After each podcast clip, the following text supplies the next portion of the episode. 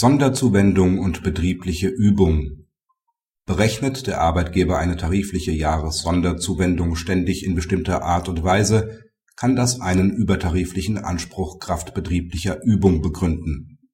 Dabei dürfen keine Zweifel bestehen, welches Angebot der Arbeitgeber durch Gewährung der Leistung gemacht hat. Der Arbeitnehmer ist seit 1996 bei der Rechtsvorgängerin, seit 2004 nach Betriebsübergang bei der Arbeitgeberin als Betriebsschlosser und Schichtleiter tätig. Im für beide geltenden Tarifvertrag ist ein Anspruch auf eine Jahressonderzahlung auf Basis der Sonderzahlung 1999 geregelt. 2007 wird die Arbeitgeberin auf eine zu hohe Jahressondervergütung für die Jahre 2004 bis 2006 aufmerksam. Nach Tarifvertrag sei die Zahlung auf der Basis von 1999 ja eingefroren.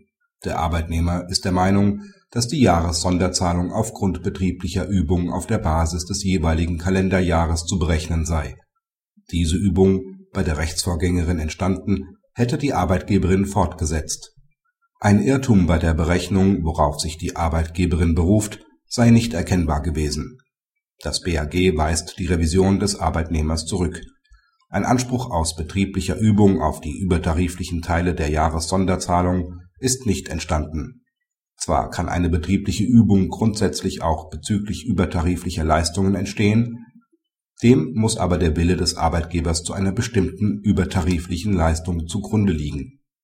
Bei der Rechtsvorgängerin ist eine Erhöhung der Sonderzahlung nur zweimal eingetreten. Auch nach dem Betriebsübergang ist keine betriebliche Übung entstanden, da sich die Sonderzahlung nicht kontinuierlich erhöht hat und eine nachvollziehbare Regelhaftigkeit der Berechnung nicht zu erkennen ist eine betriebliche Übung auf eine wie auch immer geartete stetige Steigerung der Sonderzuwendung, ohne dass deren Höhe und Berechnung eindeutig festzustellen wäre, kann jedenfalls nicht entstehen. Zwar hätte die Arbeitgeberin den von ihr reklamierten Irrtum über die Berechnungsweise mehrmals bemerken können, ausgeschlossen ist ein Irrtum jedoch damit nicht. In dieser Konstellation hat der Arbeitnehmer darzulegen, dass aus seiner Sicht eine bewusste übertarifliche Leistung vorliegt.